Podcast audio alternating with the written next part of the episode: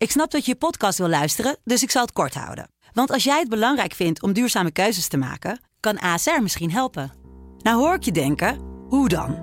Nou, bijvoorbeeld bij het duurzaam herstellen van schade. Of de premies die we beleggen volgens ons duurzaam beleggingsbeleid. Dat bepaalt waar we wel en juist niet in investeren.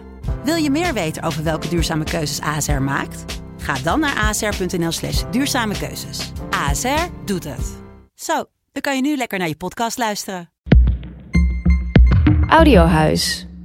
Hoi, ik ben Tina Nijkamp. Elke werkdag blijf je op de hoogte van de kijkcijfers, het medianieuws en hoor je mijn kijktips. Dit is Tina's TV-update. Het is 1 maart, tijd voor een nieuwe podcast. De laatste alweer van deze week.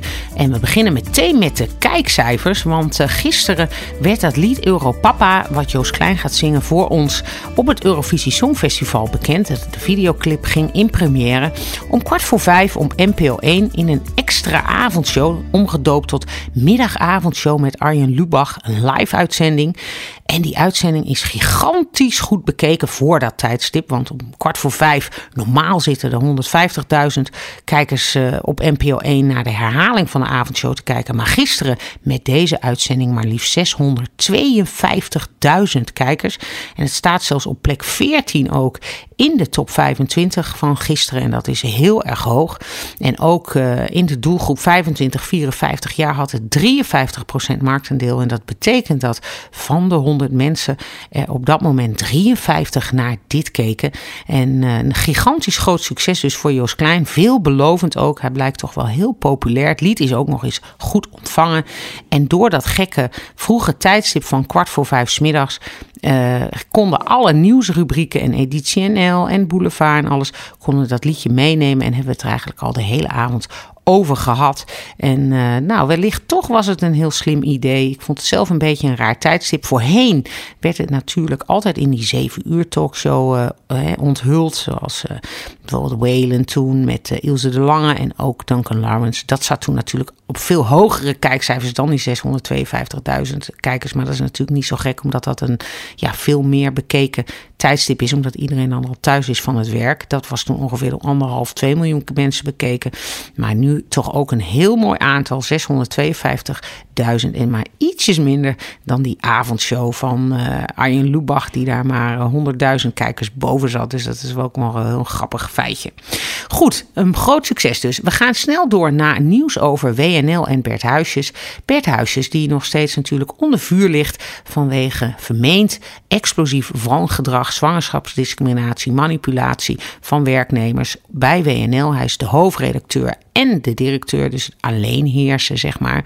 En uh, nu heeft de Raad van Toezicht had natuurlijk de reactie gedaan van, nou, wij staan vierkant achter Bert en wat een onzin en journalisten zijn geen doetjes en zo. Nou, daar is heel veel kritiek op gekomen. Is gisteren een vergadering over geweest bij WNL door de redactie en daar was Bert Huisjes mocht daar ook niet bij zijn. Op aanraden van Frederike Leeflang, de voorzitter van de Raad van Bestuur NPO, was hij daar ook niet bij.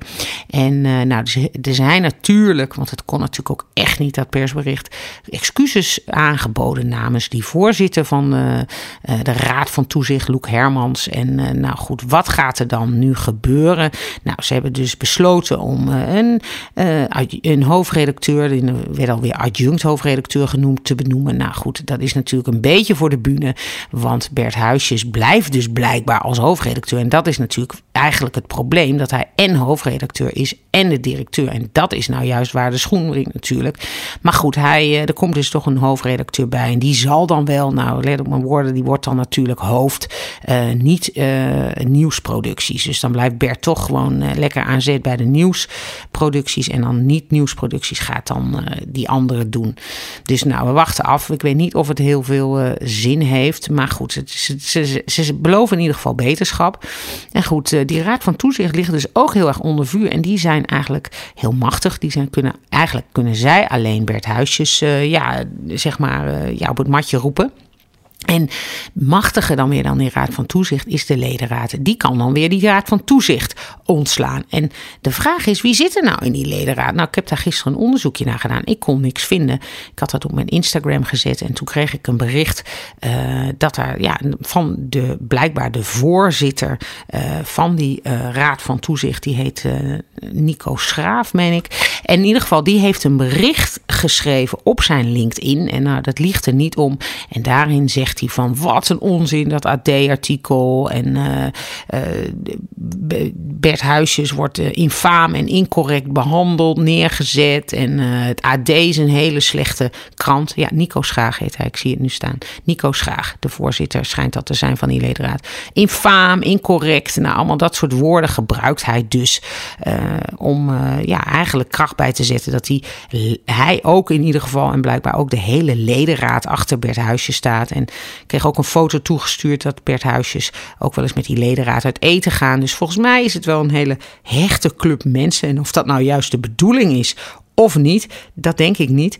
Wat ook opvallend is, is dat die Nico Schraag ook al zelf al twaalf jaar uh, in die ledenraad zit. Dus het is net als die Raad van Toezicht, Fons van Westerlo zit daar ook al twaalf jaar in. Het wisselt ook niet. En juist bij dat soort toezichtorganen schijnt het wel en is het ook natuurlijk de bedoeling dat je daar maximaal uh, ja, vier jaar en eventueel nog met een verlenging van vier jaar in zit. Om dat toezicht goed te bewaren. Goed, dan, uh, dat was WNL. Dat wordt vervolgd natuurlijk. Maar het ziet er in ieder geval uit dat Bert Huisjes daar gewoon uh, voorlopig blijft zitten. En uh, hij heeft in ieder geval de Raad van Toezicht en Ledenraad vooralsnog helemaal achter zich staan. Dan was natuurlijk gisteren dat nieuws van Gordon, die alweer stopt met zijn theatertour. En uh, die nog niet eens begonnen is. En uh, nou, ook geen promotie meer doet. Zijn Instagram-account is weggehaald. En de vraag is natuurlijk: moet hij Gordon eigenlijk nog wel gewoon een zangcarrière. Ja, moet hij daarmee verder? Of gaat hij, kan hij toch niet beter weer proberen zijn tv-carrière op te pakken? Nou, ik denk dat het, ja, als ik Gordon zou kennen, en dan zou ik echt zeggen: Gordon, probeer nou terug te komen met een documentaire serie. Bijvoorbeeld over uh, ja, hoe om te gaan uh, met druk van buitenaf. Uh, hoe om te gaan met kritiek. Want dat is ook best wel een probleem voor hem. Hè? De lange tenen die hij natuurlijk wel heeft. Dus um, ik zou dat proberen te doen om op die manier weer terug te komen op televisie in bijvoorbeeld andere tijden.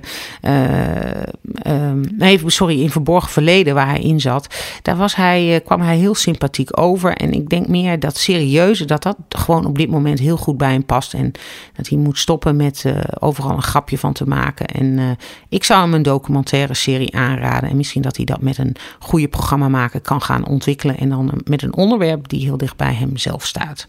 Goed, we gaan nu door naar de kijkersvragen.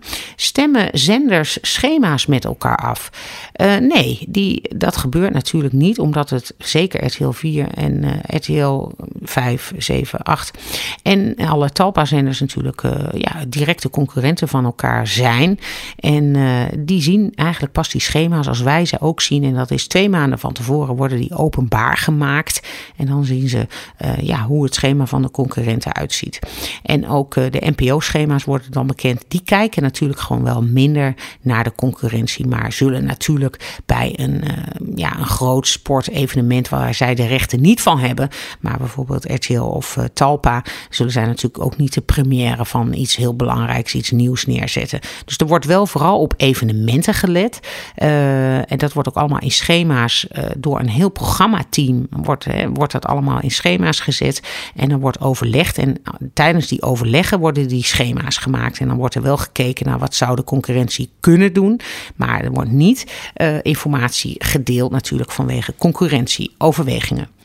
Dan, uh, waarom zijn gasten van talkshows altijd zo scherp in beeld? Het leidt enorm af.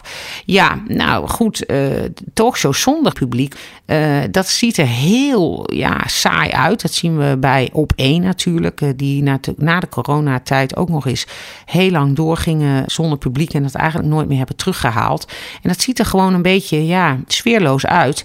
En je ziet toch bij Umberto en ook bij VI um, en bij Renze natuurlijk ook en bij Bo, dat dat gewoon heel gezellig eruit ziet. Dat ziet er heel levendig uit. En uh, ja, hoe ze in beeld gebracht worden. Ja, soms zitten ze dicht op de presentator en dan zijn ze heel goed in beeld. Nou, sommige mensen vinden dat juist wel heel leuk. En dan hebben, ja, kijken ze altijd naar wie er in het publiek zit.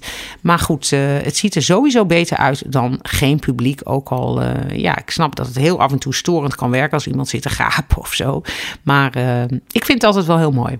Dan uh, zijn, is de zendtijd van politieke partijen nog relevant? Nou, dat is een goede vraag. Er worden nog steeds inderdaad, uh, politieke partijen krijgen nog steeds zendtijd. En dat wordt natuurlijk heel goed bekeken, omdat het vaak voor het journaal zit. En uh, rond vijf voor acht wordt dat vaak uitgezonden, vijf voor zeven. Dus altijd vlak voor een nieuwsuitzending. En die wordt altijd wel goed bekeken, omdat het journaal en al die nieuwsprogramma's ja, ook altijd goed bekeken worden. En dus het is wel relevant, omdat het voor sommige mensen nog steeds de enige manier is uh, waarop ze kennis maken met een politieke partij. Dus ik zou ook niet weten waarom je daarmee zou moeten stoppen. Ik vind het ook heel erg bij de NPO horen. Het heeft wel iets van, uh, ja, een beetje, uh, ja, nog heel erg verzuild gevoel krijgt het nog wel. Maar nee, ik vind het wel een goed plan dat dat gewoon nog steeds is. En eh, ik hoop dat dat ook blijft bestaan. Tot slot de kijktip. En eh, nou, vanavond is natuurlijk de Verraders weer met onbekende Nederlands. Maar zelf ga ik kijken naar het ja, helaas toch geflopte programma Het Jaar van. Want 1993 staat, staat centraal. En voor mij was dat een heel leuk jaar. Omdat ik toen in het bestuur zat van een eh, studentenvereniging. En heel toevallig heb ik gisteren na 30 jaar weer met die mensen gegeten. En het was zo gezellig. We hebben echt heel erg gelachen. En leuke opgehaald. Nou, en om dat uh, ja, nog even terug te gaan naar die tijd, ga ik daar vanavond in ieder geval naar kijken. Het jaar van 1993. Dat was het voor vandaag en deze week. Tot snel en tot volgende week. Dit was Tina's TV-update. Heb jij nou ook een vraag? Stuur me een berichtje via Tina Nijkamp op Instagram. Tot maandag!